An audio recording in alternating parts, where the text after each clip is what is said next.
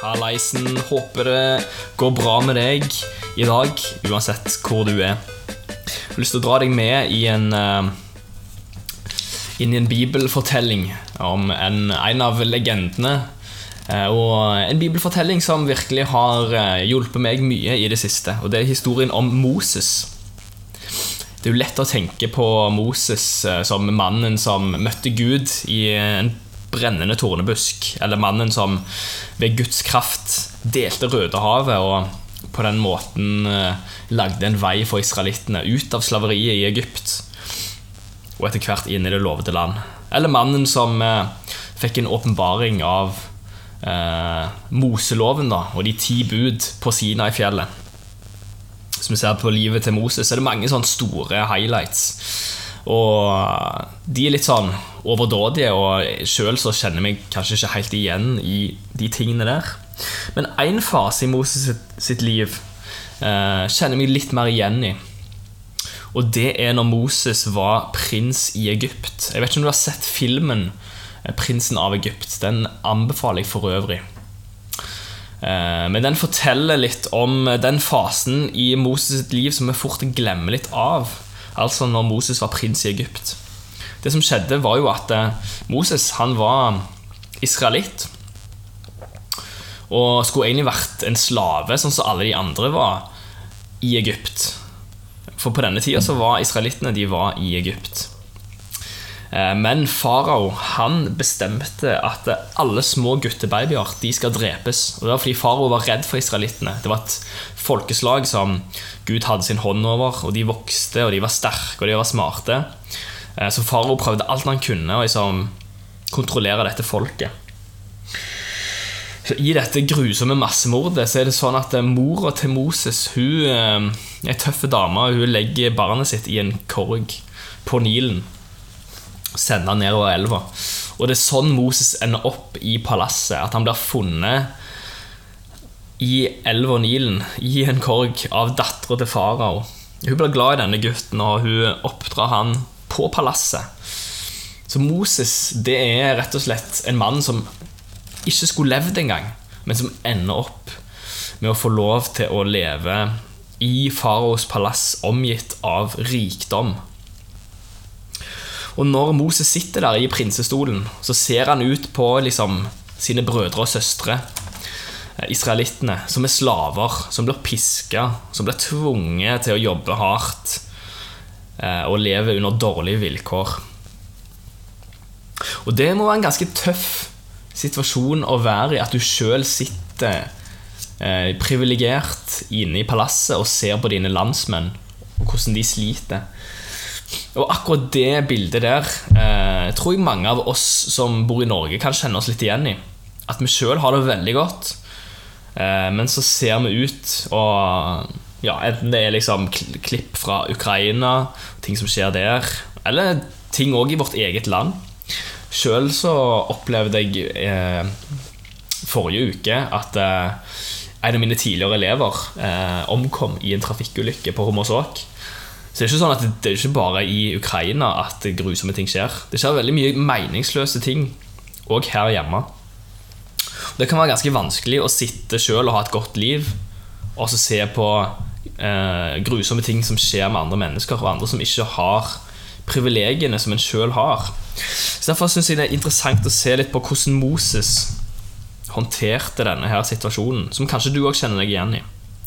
Vi kan lese om Moses i Hebreerne 11, fra vers 24 til 27.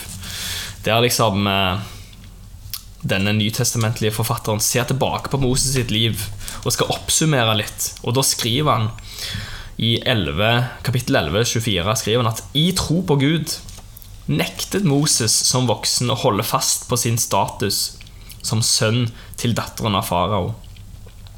Han valgte å lide sammen med Guds folk i stedet for en kort tid å nyte godt av et liv borte fra Guds vilje.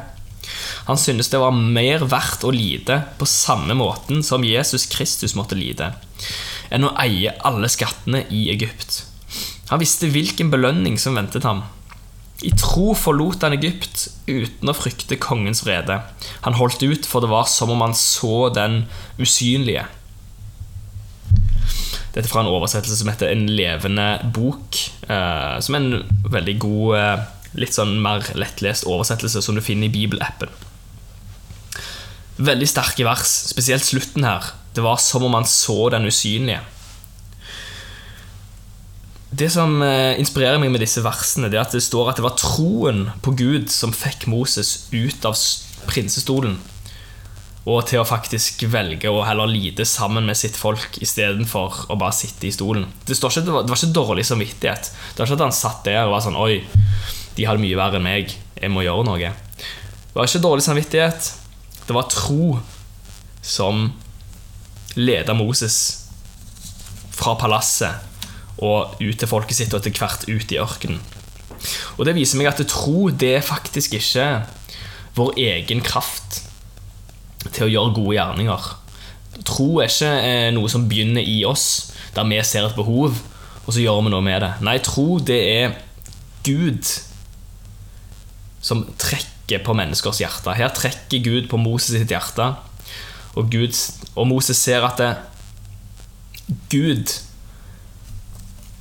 lider fordi at det, folket lider. Og derfor skal jeg òg la meg bevege av det som Gud lar seg bevege av. Så Det syns jeg er inspirerende, og det er et viktig budskap til oss. At det, er nok av behov rundt oss, nok av ting som vi kan eh, eh, støtte og engasjere oss i. Men det er troen vår som skal lede oss ut i det, ikke dårlig samvittighet.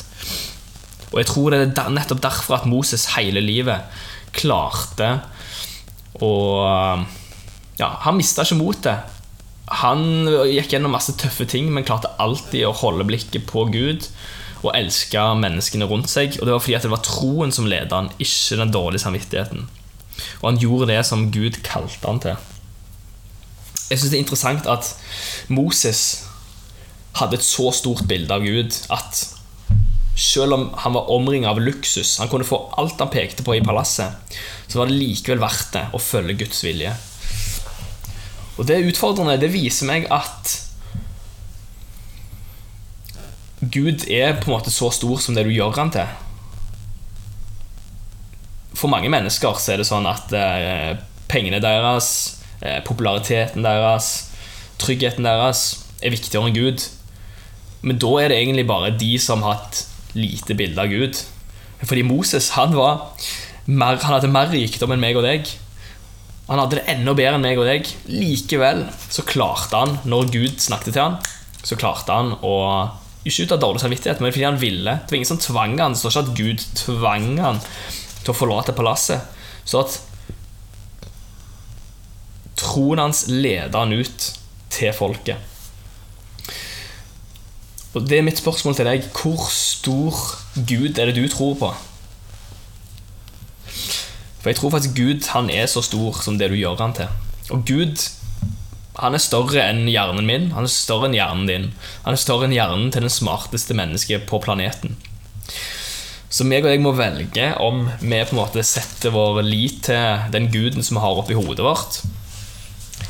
Eller så kan vi tørre å tro som Moses at Gud er større enn det bildet jeg har av han i hodet.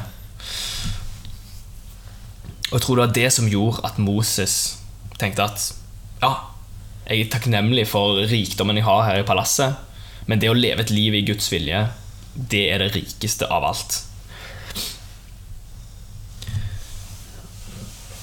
Og så kunne jeg ønske at jeg kunne si til deg i dag at når Moses fulgte Guds stemme vekk fra palasset og ut til folket sitt ut i ørkenen, så kunne jeg ønske at jeg kunne si at, det, at han fikk et mye bedre liv enn han hadde i palasset.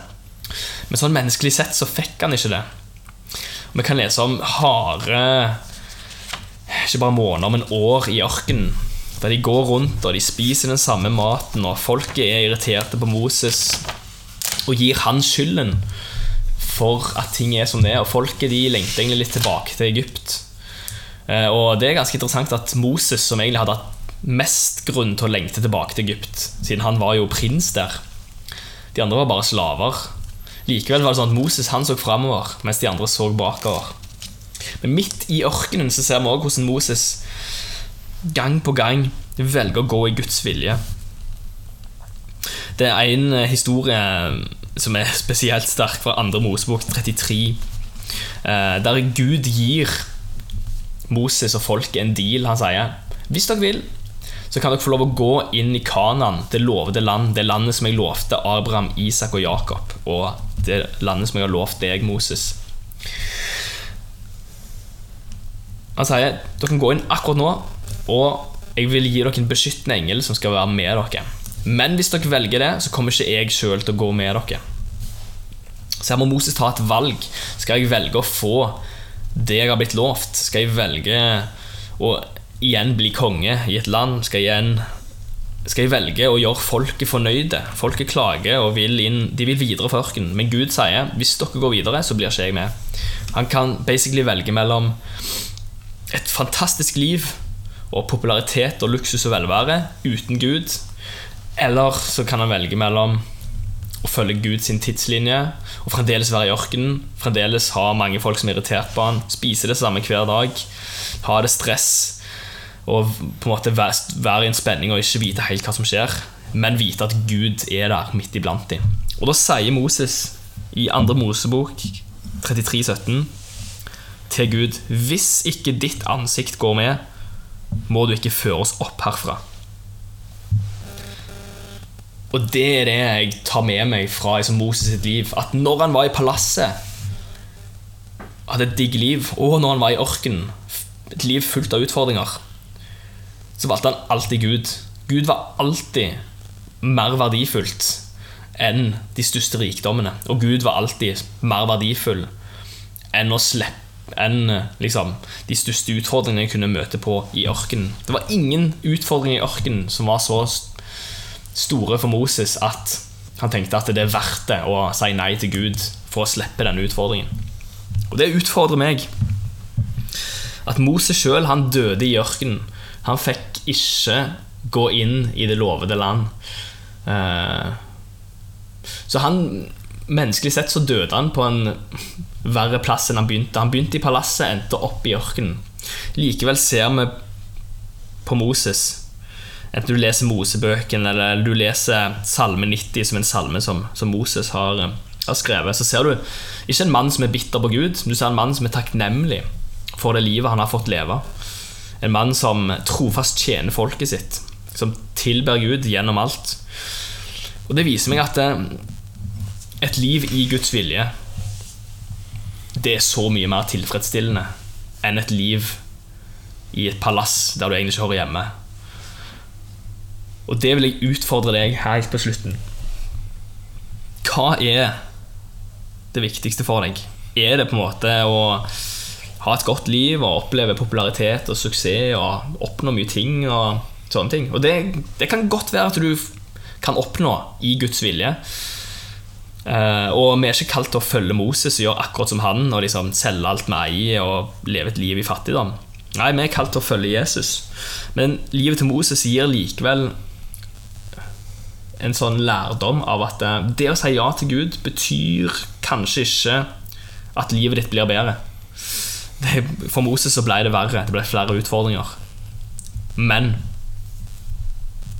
siden Gud er Gud, både i palasset og i ørkenen, siden Gud er så mye større og mer tilfredsstillende enn hva enn dette livet kan gi oss. Av eh, den store kjærligheten og penger og reising og masse fine ting som vi kan fylle livet med. Så er det sånn at det blekner når du får stå ansikt til ansikt med Gud. Så det vil jeg utfordre deg, for det er ikke bare Moses i Bibelen. Vi ser det samme med Paulus i Det nye testamentet. At han vokste opp og var privilegert og hadde masse innflytelse, og han, eh, han, hadde et godt liv. Men så skriver han i et av brevene sine at eh, alt det jeg hadde, det regner jeg som skrap. Når han sitter der i fengselet og har liksom gitt alt for Gud, mista alt, så det likevel sånn at nei, jeg har ikke mista noen ting. Jeg har fått alt. Det utfordrer meg, og det tror jeg utfordrer deg. Eh, så hensikten med denne episoden er ikke å fortelle hva det betyr å leve i Guds vilje hvordan det ser ut for deg. Det er faktisk du som må finne ut av det sjøl, hva Gud kaller deg til. Eh, men jeg har lyst til å utfordre mindsettet ditt litt og gjøre deg forberedt på at eh, det er ikke lett å si ja til Gud. Men at når vi ser på livet til Moses og Paulus og de andre heltene, så ser vi at det er verdt det. Om vi ikke får oppleve løftene sjøl, så kan jo vi som lever etter Moses, vi er supertakknemlige for det Moses gjorde. Eh, og meg og deg lever egentlig i arven etter Moses og Abraham og David. At de la ned sitt eget liv for å følge Gud. Det gjør. Det la på en måte rette, til rette for, for Jesus og det han gjorde, og så lever vi videre i det. Eh, og det, ja, det gjør meg takknemlig, og det gjør at jeg òg har lyst til å leve et sånt liv der jeg kan tilby mine skuldre til noen andre å stå på. Og leve et liv som ikke handler om meg sjøl, men om det som Gud har kalt meg til. Så det er min oppfordring og utfordring til deg. Litt utfordrende episode i dag, men eh, det, jeg tror du trenger å bli litt utfordra, bli litt røska i og reflektere litt over hvor livet ditt er på vei, og hva egentlig Gud kaller deg til. Så la denne episoden ikke bare bli en sånn Ja, ja, fint å høre. Men la det få lede deg inn i at du søker Gud sjøl og spør Gud Hei, hva tenker du om mitt liv? Det palasset jeg bor i, eller den ørkenen jeg befinner meg i. Kanskje befinner du deg i palass, kanskje befinner du deg i ørkenen. Uansett hvor, så tror jeg Gud har en retning for deg framover. Utfordrer deg til å søke den retningen og finne mer ut av hva det betyr for deg. Tusen takk for at du hører på Tetris-tro har så stor tro på deg. og på veien videre. Og Gud velsigne deg i alt det du står i. Så snakkes vi.